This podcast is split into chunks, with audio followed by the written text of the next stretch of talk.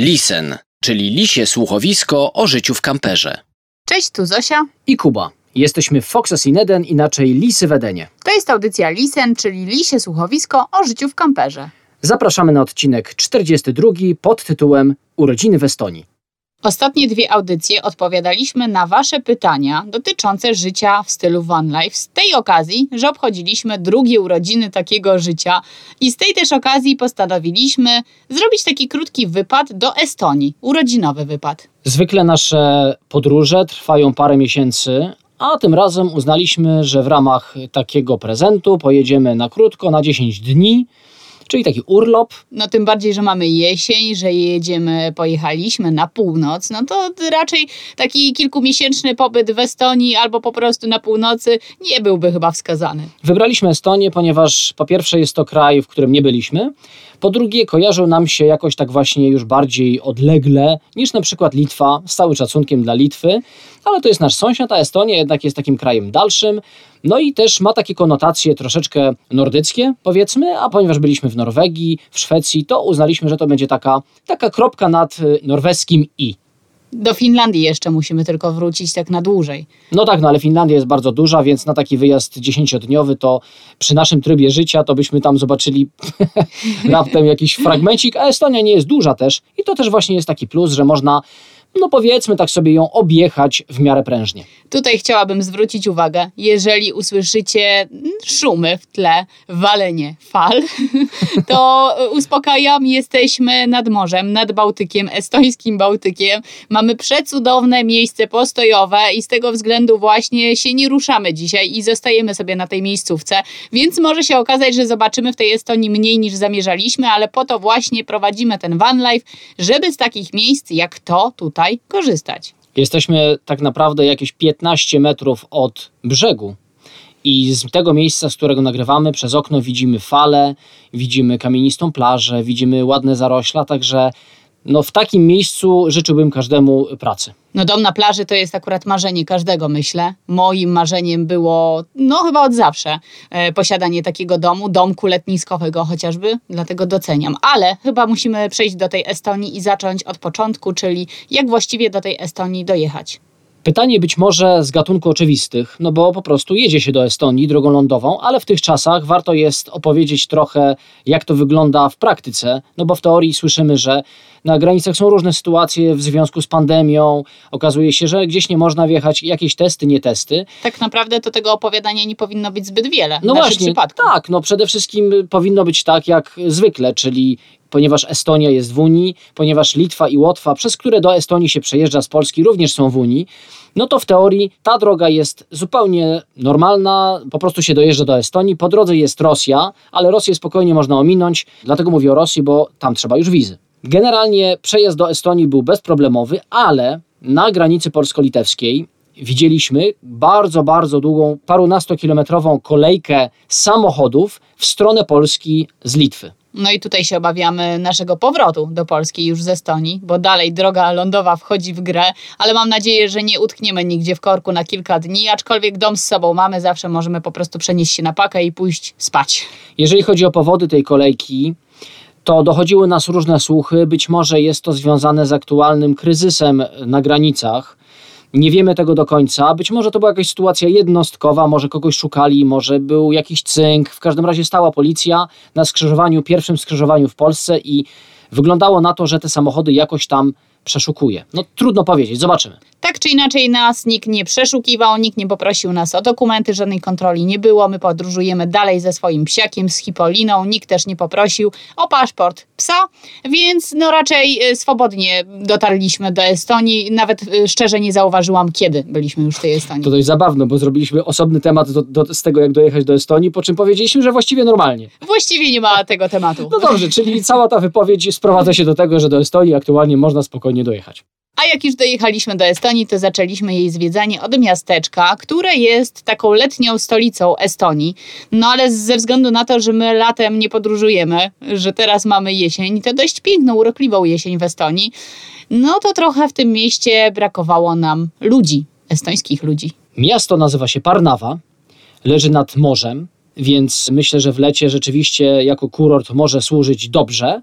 W Parnawie zwróciło naszą uwagę przede wszystkim to, że jest dużo architektury drewnianej, która przypominała od razu te domki, które widzieliśmy w Skandynawii, czy w Norwegii, czy w Szwecji. Takie skromne, miłe domki, aczkolwiek pojawiło się już o wiele więcej architektury murowanej również, a te domki drewniane miały także bardziej taką powiedziałbym, skomplikowaną formę. Nie były takimi prostymi chałupami, tylko pojawiły się jakieś takie wykusze, pojawiły się dodatkowe okna y, w dachu.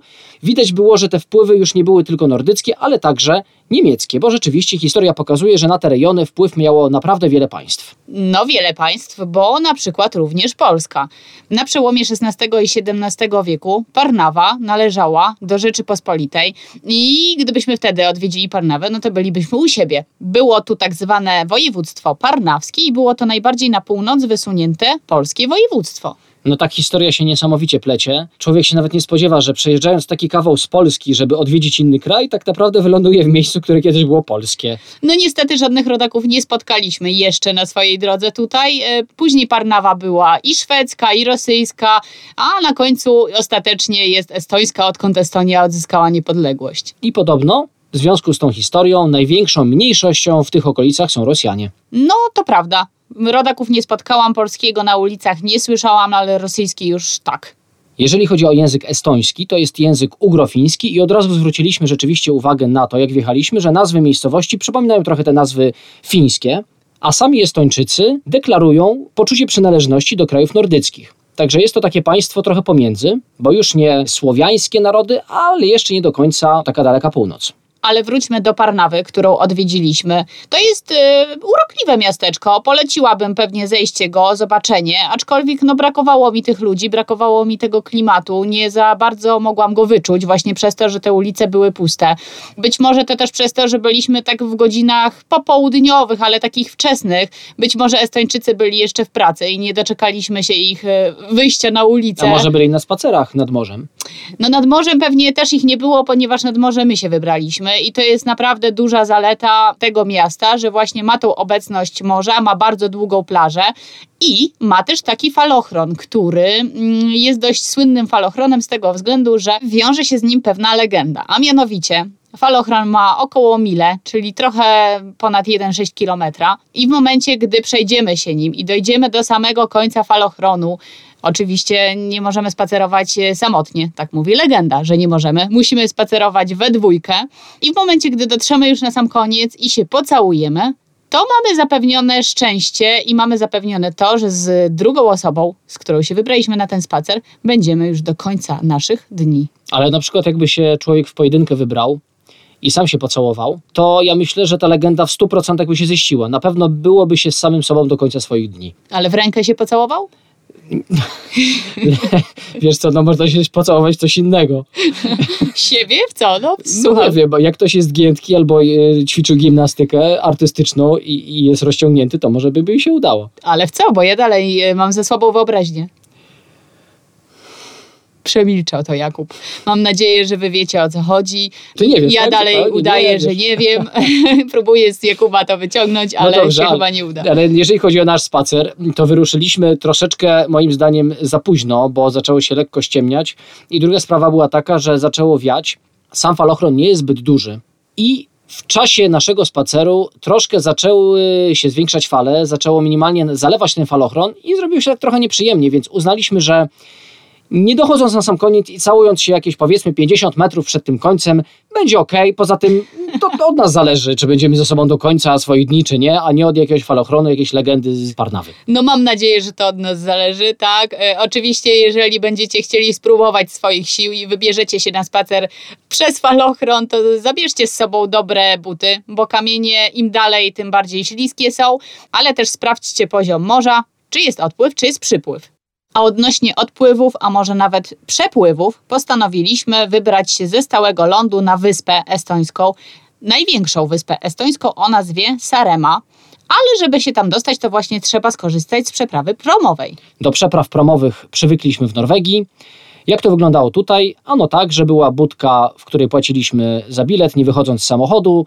Pani nas skierowała na odpowiedni pas, na którym czekaliśmy na otwarcie promu Cała przeprawa trwa niecałe pół godziny, więc nie musimy wychodzić z samochodu, ale możemy, można pójść na pokład. Jest nawet knajpa, taka restauracja, w której coś możemy przekąsić. Warto obejrzeć widoki. Tym razem, w przeciwieństwie do Norwegii, mocno bojało, więc jak siedzieliśmy w samochodzie i nie widzieliśmy horyzontu, to takie było no już dziwne poczucie troszeczkę, mogło się zakręcić w głowie. No ja bym nie powiedziała, że nie ma fal, bo tym razem fale były. Jak wyglądała płatność, powiedziałeś. Ile właściwie kosztuje taka przeprawa promowa? E, Samochód poniżej 3,5 tony plus dwie osoby i pies. Pies nie był brany pod uwagę, tylko wspominam, że podróżujemy z psem. Całość wyniosła nas niecałe 15 euro, czyli to jest trochę ponad 60 zł. No nie jest to aż tak mała kwota, aczkolwiek no pół godziny płyniemy ze stałego lądu na wyspę, czyli no tak trochę ekskluzywnie.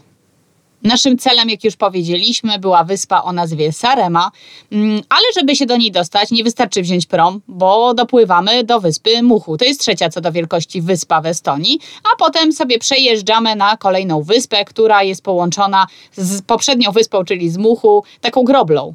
To nie jest most, to nie jest tunel, no to jest taki nasyp. Taki nasyp płaski, więc na przykład nie jest tak malowniczo jak na Lofotach czasami, że most y, takim łukiem idzie. Aż tak nie, ale mi się na przykład bardzo podobała ta przestrzeń. To mi się trochę kojarzyło z Delta Ebre w Hiszpanii, z takimi właśnie Tak. wydmami. Troszkę tak, a troszkę mi się też skojarzyło z Keys, y, y, w sensie z drogą na Key West. A myślałam, że z pocałunkami.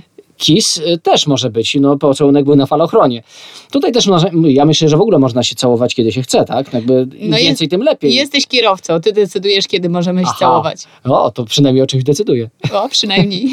No w każdym razie mi to przypominało trochę tą drogę na Key West ze względu na to, że wzdłuż tej drogi szły też takie y, słupy energetyczne. Nie jest to piękne, ale równocześnie jakoś tak, e, no nie wiem, przypomniało mi się to, po prostu. Tak czy inaczej, wyspę Sarema postanowiliśmy zwiedzić od samego jej końca. Na samym końcu na Cyplu znajduje się latarnia morska, a jakże? Latarnia morska być musi, ona ma 52 metry wysokości. Można sobie do niej wejść, są schody, można wdreptać na samą górę i podziwiać widoki i nawet można dostrzec Łotwę. Ja się zastanawiam właśnie, jak tą Łotwę można dostrzec, jak to się wydziela z linii brzegowej. No ale rozumiem, że to jest taki symboliczne coś, tak? Że jakby jest tak daleko można zobaczyć, że aż Łotwę widać. Jest jakiś cel na pewno i po to warto się wspiąć. Może gdyby tego celu konkretnego nie było określonego, tylko po prostu widok, to nikomu by się wchodzić nie chciało. A dlaczego? Ja bym chciał zobaczyć y, po prostu taką panoramę morza z latarni morskiej z 52 metrów. Mam nadzieję, że będziemy mieli okazję. To jest jeszcze przed nami, ponieważ jak już Wam na samym początku audycji powiedzieliśmy, znaleźliśmy genialne miejsce noclegowe, z którego nie chcemy się na razie ruszać i przez to właśnie jeszcze do tej latarni się nie wybraliśmy, bo to miejsce noclegowe jest oddalone o kilka kilometrów od latarni. No właśnie, tą latarnię widać stąd w ogóle, więc można sobie wyjść przed kamper, przed nasz dom i popatrzeć na latarnię.